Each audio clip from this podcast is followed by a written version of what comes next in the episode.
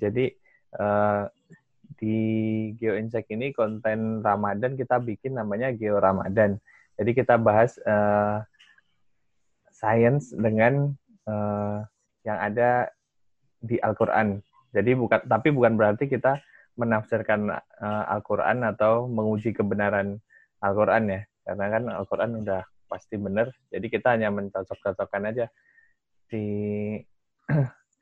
Al-Quran dengan uh, sains saat ini gitu.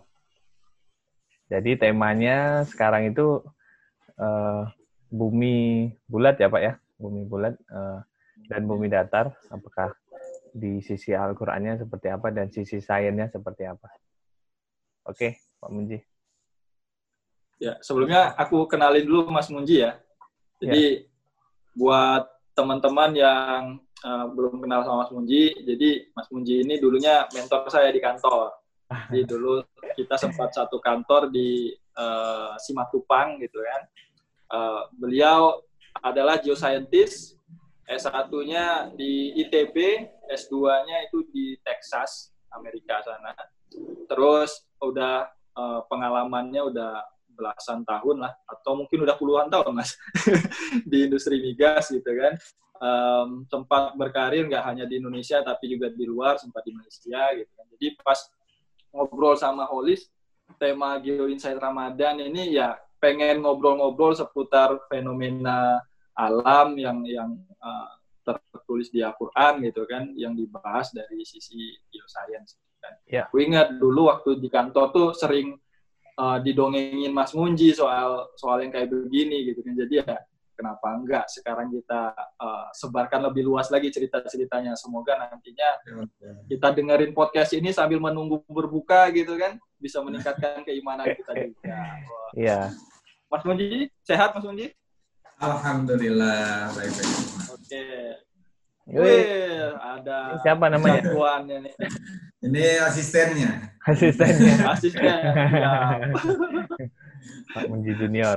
Nah, nanti Mas Munji akan uh, sharing ke kita ya Mas ya seputar fenomena fenomena-fenomena menarik uh, tentang alam yang tertulis di Al-Quran.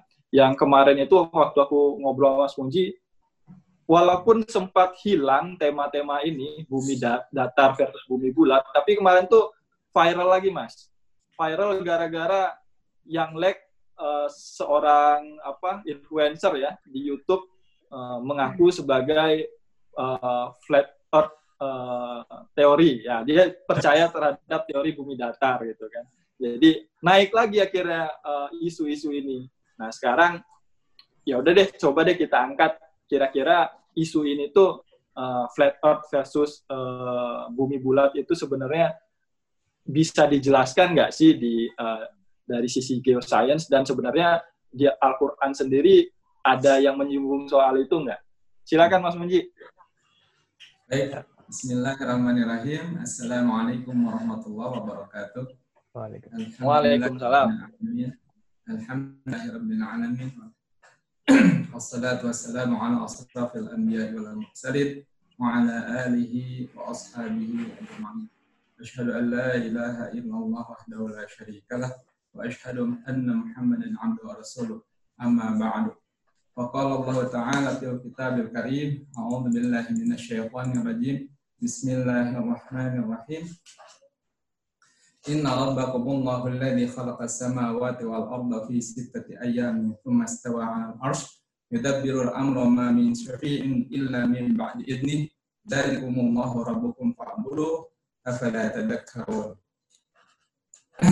Terima kasih kepada Mas Apel dan Mas Novaris yang memberikan saya kesempatan uh, kita bincang-bincang santai gitu, mengenai fenomena geoscience. Apakah fenomena geoscience itu ada, ada di dalam Al-Quran atau ataukah Al-Quran menyinggung mengenai fenomena geoscience, terkhusus dalam hal ini misalnya bumi datar.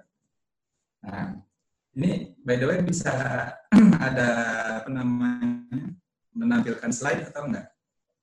Bisa, bisa Mas. Itu atau, uh, kalau susah biar Holis saja yang share. Coba oh, Lis, di share Lis. Ya. Tadi materinya Jadi, udah kita share. Ya. Ya. dalam Al-Quran dan sains ya. Nah, ada quote-nya di situ fenomena kisruh bumi datar. Nah, kenapa saya bilang fenomena ini kisruh? Ya karena memang kisruh ada yang mengaku uh, menjadi mengikut teori bumi datar maupun ada yang kekeh enggak. Baik itu dari golongan kaum muslimin maupun orang-orang di luar Islam gitu. Nah, tapi sebetulnya dalam Al-Qur'an sendiri uh, bumi da, bumi itu atau earth itu ada enggak sih? Jadi kita coba akan dudukan di sini bagaimana uh, kedudukan Al-Quran dan sains dalam hal tentang bumi. Kemudian apakah Al-Quran mengulas juga atau berbicara tentang bumi? Kemudian apa saja yang dibicarakan Al-Quran mengenai bumi? Dan benarkah Al-Quran mengabarkan bahwa bumi itu bulat atau datar? Nah itu kira-kira. Ya, tapi uh, mungkin tidak urutan, tapi kira-kira seperti itu. Bumi itu ardun kalau dalam bahasa Arab, al-ardun, al-ardu kalau dalam bahasa Arab itu. Ardun atau al-ardu. Bahasa Indonesia artinya bumi. Uh, bahasa Inggrisnya earth. Bahasa Yunani-nya Gea. Nah, jadi ada lebih dari 425 kata sebetulnya. Alif, lam, alif, ro, dan dot ini di dalam Al-Quran. Uh, kalau kita berbicara tentang bumi. Semua kata bumi ini, kata al-ardu itu berbicara mengenai berbagai konteks di dalam Al-Quran. Ada konteks tentang penciptaan alam, tentang penciptaan uh, langit, tentang kebiasaan manusia, tentang kebaikan keburukan dan lain-lain. Uh, intinya banyak gitu. Jadi mana tapi uh, kata al-abdu itu uh, adalah kata yang banyak. Ini menunjukkan bahwa posisi bumi itu sangat penting. Kenapa? Ya sebab ia adalah tempat kita tinggal, manusia tinggal, begitu kan. Sebagaimana kita ketahui bahwa di dunia ini, ya di bumi inilah kita tinggal, manusia tinggal. Sehingga kata ini sangat banyak muncul di dalam Al-Quran. Sebagai padanannya, kata sholat saja itu tidak lebih dari 80 kata, 70 sekian, saya lupa ingat, 77 atau berapa. Itu sholat yang setiap hari orang Islam itu lakukan paling tidak lima kali dalam hari 17 rakaat. Di, di dalam Ramadan malah lebih lagi karena ada tarawih. Gitu. Itu hanya diulang kurang dari 100, kurang dari 80, hanya 77 sekian. Nah, sementara bumi itu diulang ratusan kali. Hampir 500, tidak sampai 500, tapi hampir 500. Nah, eh, bagaimana kemudian apa namanya eh, contoh-contoh uh, ayat di dalam Al-Quran. Tadi saya bacakan di surat 10 ayat 3. Eh, sesungguhnya Tuhan kamu dialah Allah yang menciptakan langit dan bumi dalam enam masa. Kemudian dia bersemayam di atas ars untuk mengatur segala suatu urusan. Tidak ada yang dapat memberi syafaat kecuali setelah ada izinnya. Itulah Allah Tuhanmu, maka sembahlah dia.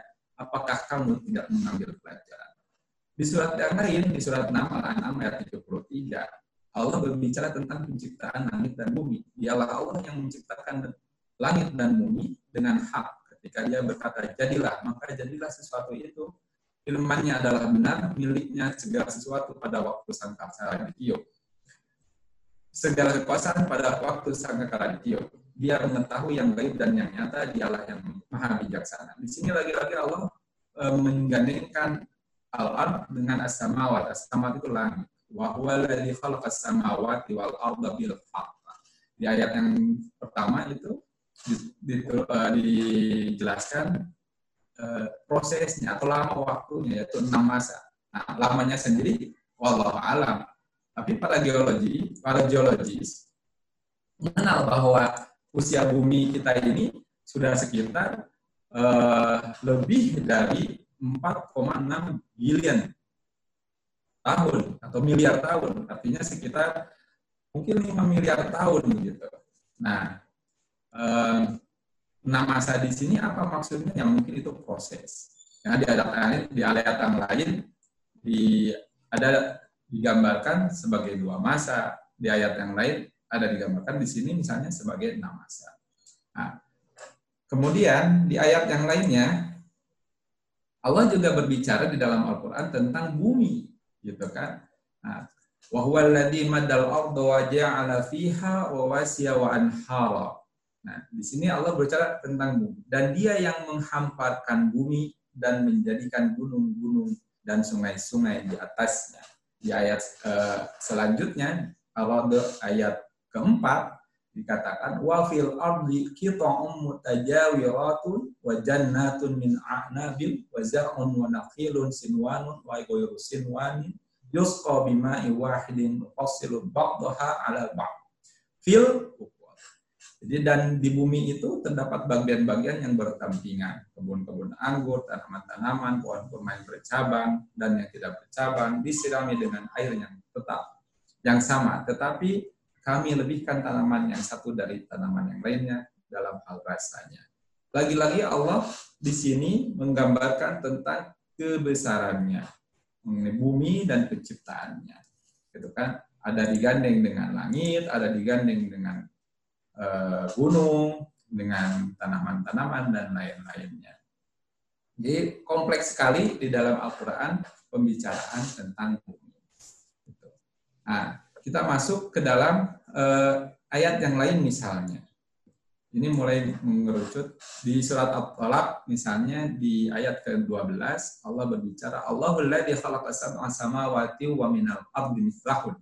Allah yang menciptakan tujuh langit dan dari penciptaan bumi juga serupa.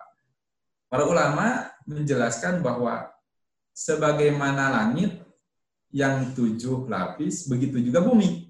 Begitu. Kira-kira begitu dalam tafsirnya. Tapi waktu itu zaman dahulu kita tidak mengenal apa yang dimaksud dengan tujuh lapis bumi itu. Slide selanjutnya.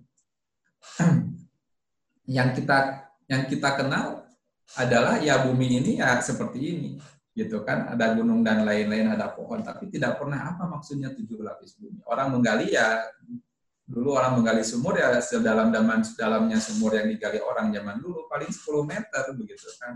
Nah, tapi kita dengan ke, uh, ilmu geofisika mengetahui bahwa ternyata struktur bumi itu sangat kompleks. Kita mengenal ada crust yang terdiri dari dua macam, ada oceanic crust dan continental crust. Kemudian kita tahu ada litosfer, kita ada tahu ada asthenosfer, kita tahu ada upper mantle, kita tahu ada lower mantle, kita tahu ada outer core, ada inner core. Yang semua itu tidak mungkin kita capai tanpa pengetahuan, tanpa ilmu pengetahuan maksudnya, tanpa sains. Memang orang itu mengejar ilmu pengetahuan itu ada dengan sebab. Salah satunya misalnya, kenapa orang mengetahui pelapisan-pelapisan bumi ini? Jadi sebelum abad eh, 20 di abad 19, setelah Perang Dunia, dua negara superpower itu mengalami masa-masa eh, perang dingin, Amerika dan Uni Soviet. Keduanya berusaha untuk mempersiapkan apa istilahnya perangkat-perangkat apabila terjadi lagi perang dunia. Gitu. Jadi um, banyak survei-survei bawah laut, survei-survei kebumian, survei-survei geofisika itu sebetulnya asalnya untuk uh, keperluan militer. Tapi karena kemudian data itu banyak dan perang dunia waktu itu banyak, kemudian uh, diolah oleh para ilmuwan dan berguna untuk ilmu kebumian. Sehingga ilmu kebumian ini sangat berkembang pesat di tahun 50 dan 60. Bahkan teori tektonik lempeng saja baru muncul di tahun 60 akhir 60-an, 67 atau sekian. Jadi eh, teori bumi yang kita kenal sekarang oleh geologis-geologis andalan semacam Bang Apel dan Kang ini adalah teori yang relatif baru sebetulnya. Gitu. Tapi luar biasanya Al-Quran mengabarkan ini eh, 1500 tahun yang lalu. Dan kita baru menggali ini kurang dari 100 tahun yang lalu. Bahkan hanya sekitar 70 tahunan yang lalu. Jadi luar biasa. Seharusnya hal yang seperti ini menambah keimanan kita. Nah, selanjutnya, eh, mengenai bumi datar. Apakah benar di, di Quran itu dikatakan bahwa bumi itu datar? Jadi memang datar itu yang dimaksud datar itu maksudnya seperti cakram gitu ya, seperti kue apa martabak gitu, seperti triplek itu kan datar begitu ya. Uh, di Al-Quran kata itu datar dalam arti artian yang seperti kue itu tidak ada. Tapi, tapi kalau artian datar menghampar membentang itu banyak gitu. Salah satu contohnya ini saya kasih banyak sekali contoh paling minimal ada tujuh atau delapan apa tujuh ayat gitu. Misalnya di surat 50 Allah berfirman, "A'udzubillahi minasyaitonir wal arda madadanaha wa alqaina fiha rawasiya wa ambatna fiha min kulli zawjin bahij dan bumi yang kami hamparkan dan kami pancangkan di atasnya gunung-gunung yang kokoh dan kami tumbuhkan di atasnya tanaman-tanaman yang indah. Di surat 55 surat Ar-Rahman Allah berfirman di ayat 10 wal arda wada'aha lil anam dan bumi telah dibentangkannya untuk makhluknya di surat 71 surat Nuh ayat 19 Allah berfirman wallahu ja'ala lakumul arda bisata dan Allah menjadikan bumi untukmu sebagai hamparan. Di surat 78 surat An-Naba Allah berfirman alam naj'alil arda mihada. Dan bukankah kami telah menjadikan bumi sebagai hamparan? Di surat selanjutnya wal arda ba'da dzalika dahaha dan setelah itu bumi dia hampatkan di surat 86, wa ilal ardi kaifa sutihat. Surat Al-Ghasyiyah ya. Dan kemudian di wal ardi wa ma di surat Asy-Syams. Dan bumi bagaimanakah dihamparkan? Demi bumi serta penghamparannya. Jadi kata-kata di dalam Al-Quran mihada, dahaha, sutihat, qohaha, isaqa, ya, wadaha, gitu kan atau naha begitu. Apakah itu benar-benar uh, indikasi bahwa bumi itu datar begitu? Nah, sebelumnya eh sebelumnya sebetulnya para ulama telah menjelaskan bahwa kata membentangkan, menghamparkan atau hamparan itu maksudnya adalah menjadikannya luas seperti karpet atau permadani yang dihamparkan atau dibentangkan. Sehingga dalam pandangan manusia, bumi itu terbentang luas sejauh mata memandang. Silakan uh, di slide selanjutnya. Jadi uh, di abad keempat Hijriah atau sekitar tahun 990-an, abad ke-10 Masehi, Ibnu Hazm itu pernah menulis bahwa para ulama sepakat kaum muslimin, maksudnya ulama kaum muslimin, para cendekia kaum muslimin sepakat bahwa bumi itu bulat. Itu abad keempat Hijriah gitu kan? Uh, salah satunya Ibnu Hazm gitu. Nah para ulama Islam dan cendekiawan Muslim abad itu sebetulnya telah mempelajari uh, apa namanya metode-metode atau keilmuan-keilmuan dari Yunani. Di Yunani sendiri sebetulnya terbagi dua. Ada ada yang mengakui bahwa bumi itu bulat dan ada juga yang rata. Tapi semacam uh, Ptolemus, kemudian Aristoteles, mengakui bahwa bumi itu bulat. Dan itu yang kemudian diteliti oleh para ulama-ulama kita, itu kan uh, oleh cendekiawan-cendekiawan muslim di abad keempat, dan memang mereka bersepakat bahwa bumi kita itu bulat.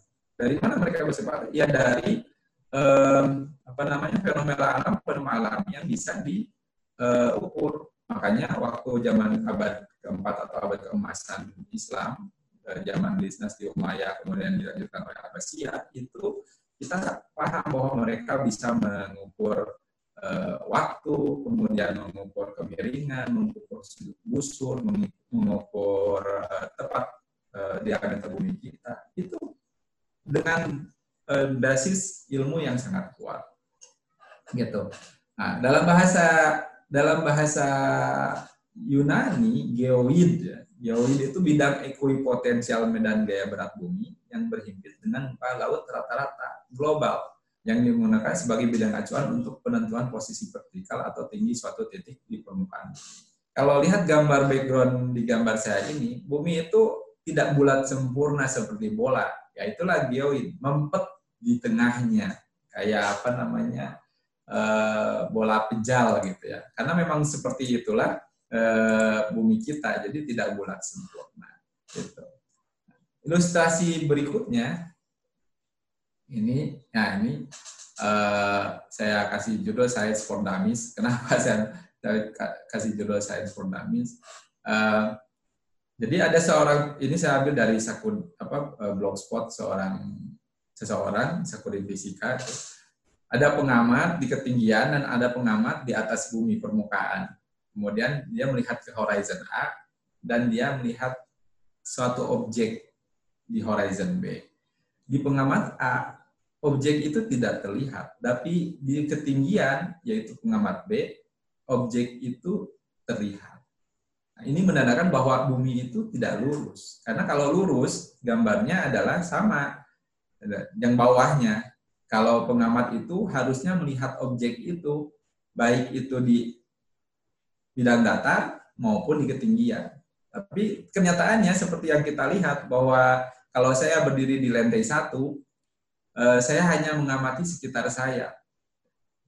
Kalau katakanlah di sekitar saya itu tidak ada apa-apa, padang saja. Mungkin eh, kemampuan melihat visual saya hanya sekitar beberapa kilometer. Tapi begitu saya naik ke lantai 30, maka puluhan kilometer jarak pandang yang bisa saya capai. Kira-kira seperti itu.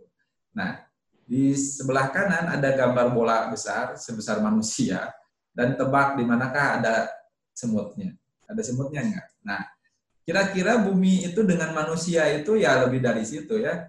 Nah, saya uh, jadi di atasnya antara lengan dan kepala itu ada gambar. Nah, itulah manusia, itulah semut gitu. Padahal manusia itu kalau dari bumi nggak kelihatan. Itu saya bikin itu semut raksasa. Nah, tapi kalau dari sisi perspektif semut, dia berjalan di, di bola raksasa itu seperti dia ya berjalan lurus saja begitu, datar aja. Padahal sesungguhnya bolanya itu tidak datar yang berbentuk Jadi itulah fenomena um, yang men, kenapa orang itu percaya bahwa bumi datar karena hanya melihat dari sudut perspektif saja. Kemudian uh, ada quick facts, ini catatan kecil saya ini, ini saya ambil dari buku anak saya sebetulnya. Next. Uh, jadi diameter bumi itu 12.726 km jari-jari buminya 6.378 km. Jadi ukuran bumi itu eh, ada umur bumi. Umur bumi itu 4,6 miliar tahun. Nah, berat bumi kita itu adalah 6 triliar ton atau 6 kali 10 pangkat 21 ton.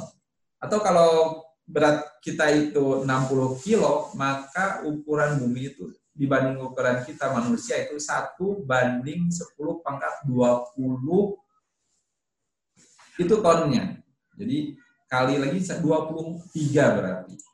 Itu berat sekali dibandingkan semut yang tadi itu nggak ada apa-apanya gitu kan. Semut dan bola yang tadi itu nggak nyampe satu pang, satu kali 10 pangkat 23 tidak nyampe atau satu pang, kali 10 pangkat 21 itu tidak sampai. Nah, artinya apa? Artinya ya dahaha, mihada, ohaha, hamparan, bentangan. Ya tiap kita lihat bumi itu terbentang, luas gitu. Nah, itulah uh, salah satu apa namanya um, istilahnya kebesaran Allah ya. Ke, begitu rahmannya Allah kepada manusia, kasih sayangnya Allah yang sangat besar kepada manusia sehingga kita itu nggak merasa sempit di bumi ini. Bumi yang kecil dibandingkan planet-planet yang lain di Jakarta Raya atau galaksi-galaksi yang kita kenal itu udah kecil. Dan kita lebih kecil lagi gitu kan. Nah, tapi kita tidak merasa sempit dengan itu. Ah begitu. Nah ini saya kasih ilustrasi lagi bagaimana orang orang dewasa dibandingkan dengan paus. Ya kan? paus yang besar seperti itu. Jadi paus itu mungkin apa uh, orang itu hanya selebar dua dua biji matanya saja. Gitu. Jadi size matter.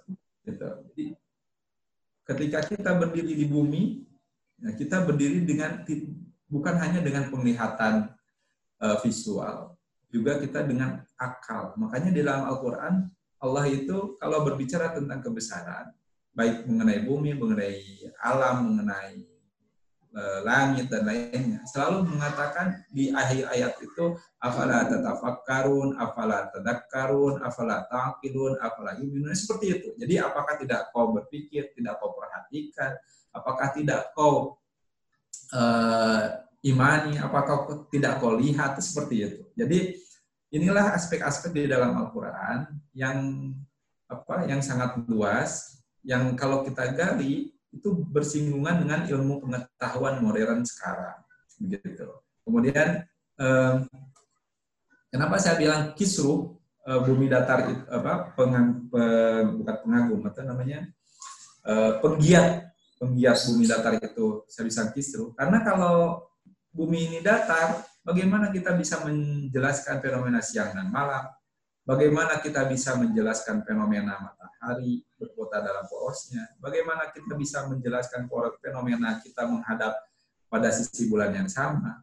Gitu kan? Bagaimana kita bisa menjelaskan fenomena gravitasi? Atau lebih jauh, bagaimana mungkin kita bisa menggunakan satelit, penerbangan, roket, gadget, wireless device? Yang itu semua tidak mungkin bisa tanpa didasarkan pada bentuk bumi geoid.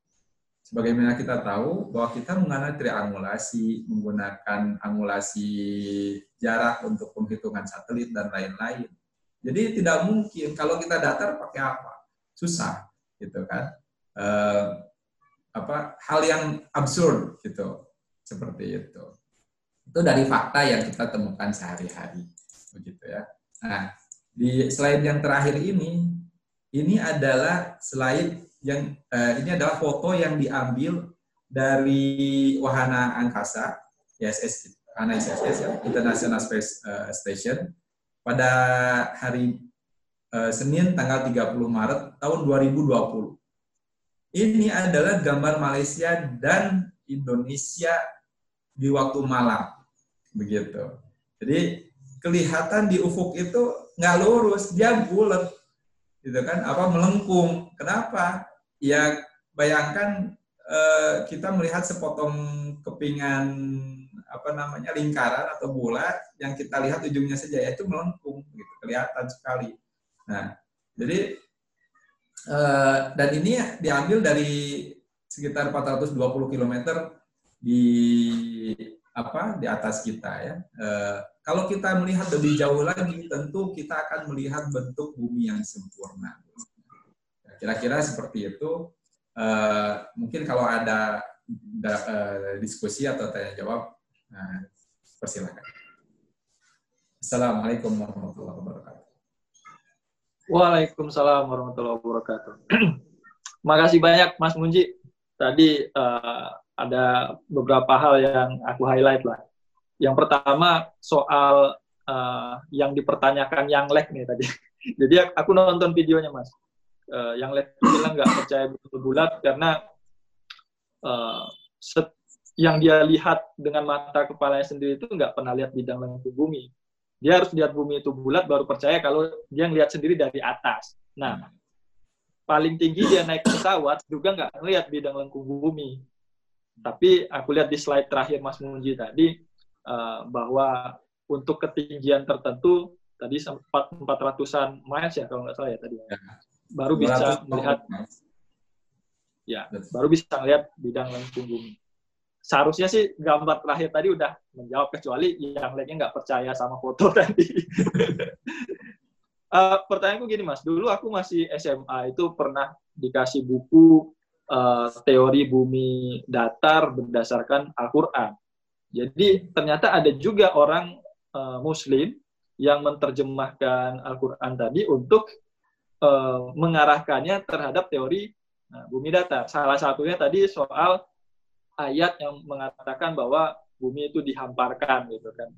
Nah, aku pengen uh, nanya ke Mas Muji, apa sih yang membuat uh, umat Muslim tadi ada berbeda uh, apa terjemahan ya terhadap kata dihamparkannya di Al-Quran bahwa di satu pihak menganggap dihamparkan ini artinya datar tapi tadi Mas Muji menjelaskan enggak bahwa dihamparkan ini artinya uh, menjadi lebih luas gitu. Itu bisa dikasih penjelasan lebih jauh nggak Mas? Baik baik.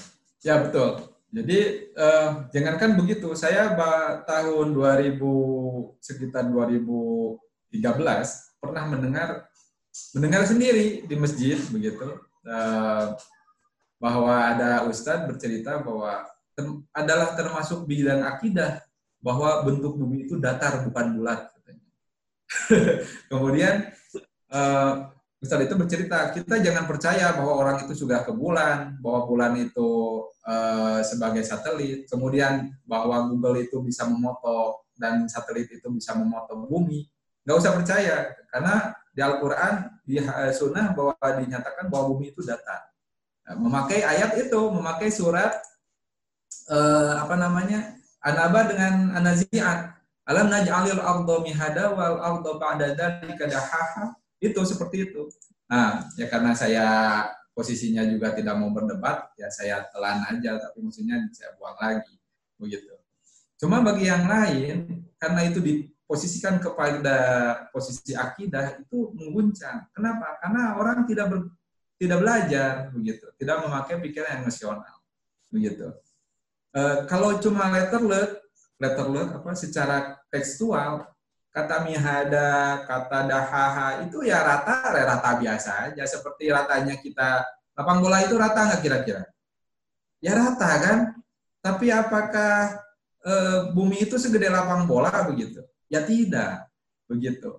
Kenapa? Ya seperti tadi para ulama padahal telah menjelaskan para ulama itu abad keempat. Jadi kenapa e, zaman Rasul itu para sahabat itu tidak tidak terlalu apa namanya uh, masalah dengan ini bumi ini bulat atau datar enggak. Mereka nggak masalah mau bumi ini bulat bumi ini datar bumi ini melengkung nggak masalah. Kenapa? Karena yang mereka uh, perkarakan adalah yang penting mereka di bumi ini. Di mana pun mereka tinggal mereka berada mereka melakukan kebajikan. Itu sebetulnya intinya. Tapi orang zaman sekarang setelahnya zaman setelahnya itu orang itu karena sudah terpenuhi semua kebutuhannya semua uh, apa namanya uh, kebutuhan dasarnya. Sehingga orang bertanya-tanya hal yang lainnya di luar itu yang sebetulnya manfaatnya tidak terlalu banyak. Jadi faedahnya itu sedikit saja. Membicarakan apakah bumi datar atau bumi bulat itu faedahnya sedikit. Tapi akan berlaku akan penting jika karena bumi bulat itu atau bumi datar itu terus bagi kita apa gitu kan menambah keimanan atau jadi sebetulnya yang paling penting adalah jadi, uh, di dalam Quran itu kita disuruh untuk berpikir, disuruh untuk mengingat, berpikir juga sebetulnya sama. Nah, jadi tadak karun, tawakilun, karun itu sama, proses berpikir. Jadi proses memikirkan, proses mengingat. Itu itulah yang disebut ulil albab. Nah, sayangnya gitu banyak uh, para ustadz yang hanya menerjemahkan secara tekstual saja gitu. Tidak meneliti. Karena e, banyak sebab lah begitu ya. E, di antaranya adalah kekurang kekurangan ilmu di dalam ilmu-ilmu yang dasar. Ilmu dasar itu maksudnya apa? Ilmu alam ini kan ilmu dasar. Ilmu dasar kita hidup gitu kan. E, ilmu logika gitu jadi misalnya seperti tadi ya, youtuber atau influencer yang nggak percaya kalau nggak melihat sendiri, kan kita tidak mungkin uh, segala sesuatu bisa dilihat sendiri begitu.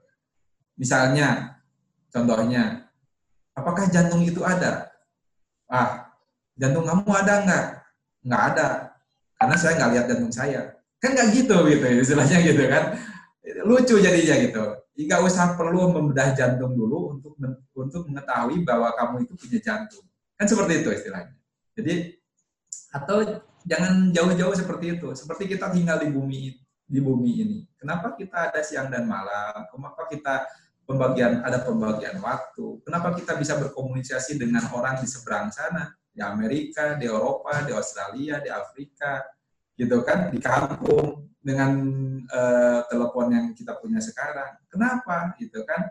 Kenapa kalau apakah uh, tidak cukup bukti bahwa kalau kita berjalan dari New York ke London itu juga kita bisa tempuh dari Indonesia lewat Los Angeles dulu, kemudian nantinya akan sampai di London, kan bisa saja. Itu kan muter aslinya gitu kan. Jadi kalau kita puterin bumi itu, itu perlu 44 jam, gitu kan. Ini kalau saya ke Amerika itu perlu 24 jam, karena karena ada ada depan gitu. Tapi kalau saya harus muterin lagi, ya saya perlu 44 jam lah, gitu. untuk muterin dari Jakarta ke Jakarta lewat terus menyusul ke timur atau terus ke barat, seperti itu. Nah, kenapa nggak ada orang yang melakukan itu? Siapa bilang ya pilot-pilot itu ya semua melakukannya begitu kan. Jadi uh, sangat absurd lah menurut saya seperti itu. Oke mas, uh, makasih banyak mas Miji untuk jawabannya. Polis ada pertanyaan mungkin? Iya. Atau... Iya, Pak Mujim. Uh, kalau Avel tadi, saya mau tanya sama kayak Avel juga tadi sama hamparan tadi. Uh, saya kayak lebih tanya ke kan yang penganut paham flat earth itu nggak percaya ada gravitasi, kemudian pasang surut. E, mereka bilang gravitasi itu hanya karena ada yang menarik di bawah dan yang di bawah itu ada yang ke atas gitu. Mungkin bisa dijelaskan lebih secara ya. ilmiah gravitasi dan e, pasang ya. surut mungkin, Pak. Ya. Jadi sebetulnya kalau gravitasi itu itu sunatullah ya fakta. Jadi apa pun yang jat, apa pun yang uh, jatuh ya jatuhnya ke bawah. Selama apa? Selama ada suatu yang menarik gitu. Yang menarik itu masa yang besar. Kan ceritanya gravitasi itu Newton lihat apel tuh jatuh. Kenapa apel jatuh? Gitu kan? Karena ya bumi kita itu segitu besarnya menarik benda-benda yang kecil. Jadi kalau ada benda besar, terus di sebelahnya ada benda kecil yang ukurannya jauh lebih kecil, maka benda itu akan tertarik dengan sendirinya. Kita ngomongin bukan besar sebetulnya ya, masanya besar. Jadi boleh jadi bendanya itu eh, sama-sama segede kelereng, tapi yang satu masanya bisa jadi 10 atau 100 kali lipat ketimbang masa yang sebelahnya. Nah, jadi uh, itulah yang disebut dengan gravitasi, gaya tarik menarik antara dua belah benda. Nah, yang percaya bahwa bumi datar itu tidak tidak ada gravitasi, terus apa yang menyebabkan kita itu berdiri di atas bumi kita? Harusnya kita melayang-layang kalau nggak ada gravitasi, gitu. Atau jangan pakai HP, jangan nonton TV, jangan pakai satelit dan lain-lain. Itu semua produk gravitasi. Kok bisa? Ya iya, satelit itu mengorbit pada orbitnya karena ada gravitasi. Gitu. Dia tidak lari. Gitu. Itu fundamental sekali dalam sains. Begitu. Kemudian um, apa namanya? semua teringat, semua pengukuran-pengukuran yang saya sebut tadi contoh-contoh sains itu itu berkaitan dengan gravitasi. Begitu. Teknologi informasi yang kita terima itu itu semua berkaitan dengan kenapa eh, apa namanya berselaras atau selaras dengan hukum fisika dasar fisika eh, klasik fisika Newton itu fisika klasik selaras kenapa karena kita hidup di dunia fisika sekarang di dunia yang sama dengan eh, apa kita hidup di belahan bumi mana pun gitu. itulah dunia fisika dunia uh, hukum fisika Sunatullah lah kalau dalam bahasa agama. Kira-kira begitu. Ya, baik Pak. Jadi karena mereka kan menganggap uh, bumi itu melayang gitu. oh iya satu lagi. Ya. Uh, pasang surut. Kenapa ada pasang surut? Eh, tidak mereka tidak percaya pada pasang surut. Jadi kalau kita baca di fakta apa di uh, bukan postulat lah, jargon-jargon pseudoscience mereka itu bahwa matahari itu kayak lampu senter aja gitu kan. Bulan itu juga sesuatu yang muncul di sebelahnya lah gitu, entah dari mana. Mereka juga sebetulnya mereka tidak bisa menerangkan hipotesa yang mereka buat sendiri. Jadi sangat disayangkan kalau uh, kita misalnya masih percaya bahwa apa namanya sesuatu yang tidak didasari dengan fakta ilmiah itu menyebar begitu luas di masyarakat. Itu tidak didasari dengan fakta ilmiah. Jangan lupa bahwa gereja eh, di zaman kegelapannya mengatakan bahwa bumi ini datar. Itu ratusan tahun gitu. Sampai kenapa Galileo dan kawan-kawan itu Copernicus dan kawan-kawan itu eh, dihukum oleh gereja? Ya karena mengkampanyekan eh, ilmu fisika yang kita kenal sekarang begitu. Sementara orang-orang Islam eh, dari abad keempat saja jauh sebelum Galileo dan kawan-kawannya itu sudah sudah sepakat bahwa bumi kita itu bulat dihamparkan untuk manusia itu agar kita menjadi apa sebagai pandangan yang luas dan lain-lain itu dipahami dengan baik oleh mereka. Seperti itu. Jadi eh, perbedaannya kentara sekali gitu. Antara eh, apa namanya orang-orang yang mengambil ilmu, eh, mengambil Al-Quran sebagai pelajaran sebagai ilmu dan kemudian mengakui bahwa Tuhan ini maha benar begitu kan Tuhan ini tidak hanya uh, maha besar kekuasaannya juga maha benar dalam se semua apa yang difirmankannya uh, termasuk di dalam hal ini uh, mengenai pembicaraan tentang bumi kita seperti itu. Baik. Terima kasih Mas Munji. Terakhir mungkin Mas ada pesan-pesan khusus nggak untuk uh, pendengar kita nih terkait uh, ya. ya terkait isu inilah sebaiknya kayak tadi kan Mas Muji bilang sebenarnya orang-orang di zaman dulu tuh nggak pernah mikirin ini sekarang aja yang baru mikirin gitu kan. Nah, pesan-pesan buat teman-teman semua ada nggak mas supaya lebih bermanfaat lagi gitu kan terutama di Ramadan ini? Jadi betul terima kasih. Jadi pesannya adalah eh, pertama Quran itu bukan buku sains dan sains tidak diposisikan dalam menghakimi Quran jadi apa yang diberitakan oleh Quran itu adalah benar, hak begitu. Nah, pertanyaannya adalah dengan sains yang kita punyai, gitu, seberapa besar kecintaan kita terhadap pemilik dunia dan seisinya, yaitu Allah Subhanahu Wa Taala. Jadi masalahnya adalah bukan lagi menjadi eh, bagaimana kita menguasai bagaimana kita hanya menguasai sains saja, tapi adalah bagaimana dengan sains itu semakin mendekatkan kita kepada Allah Subhanahu wa taala.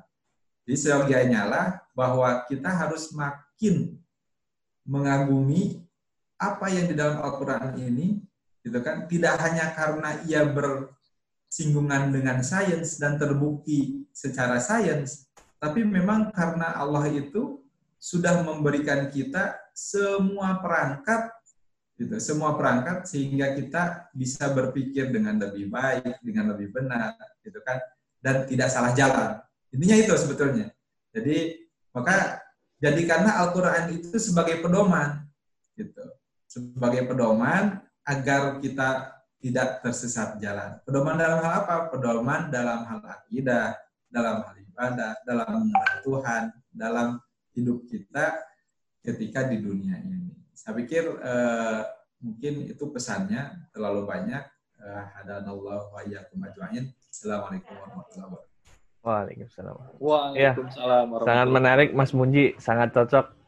Eh, teman-teman uh, harus dengerin ini sambil uh, nunggu buka puasa akan uh, dapat uh, insight yang uh, lebih uh, meyakinkan dari apa yang sudah dipaparkan sama Mas Munji. Gitu ya, Vel ya? Sip. Terima kasih banyak Mas Munji. Terima kasih Mas. Uh, lain kali kita sharing-sharing lagi. Iya. Baik, Mas. Yes. Makasih Mas Munji. Mari, Assalamualaikum. Assalamualaikum.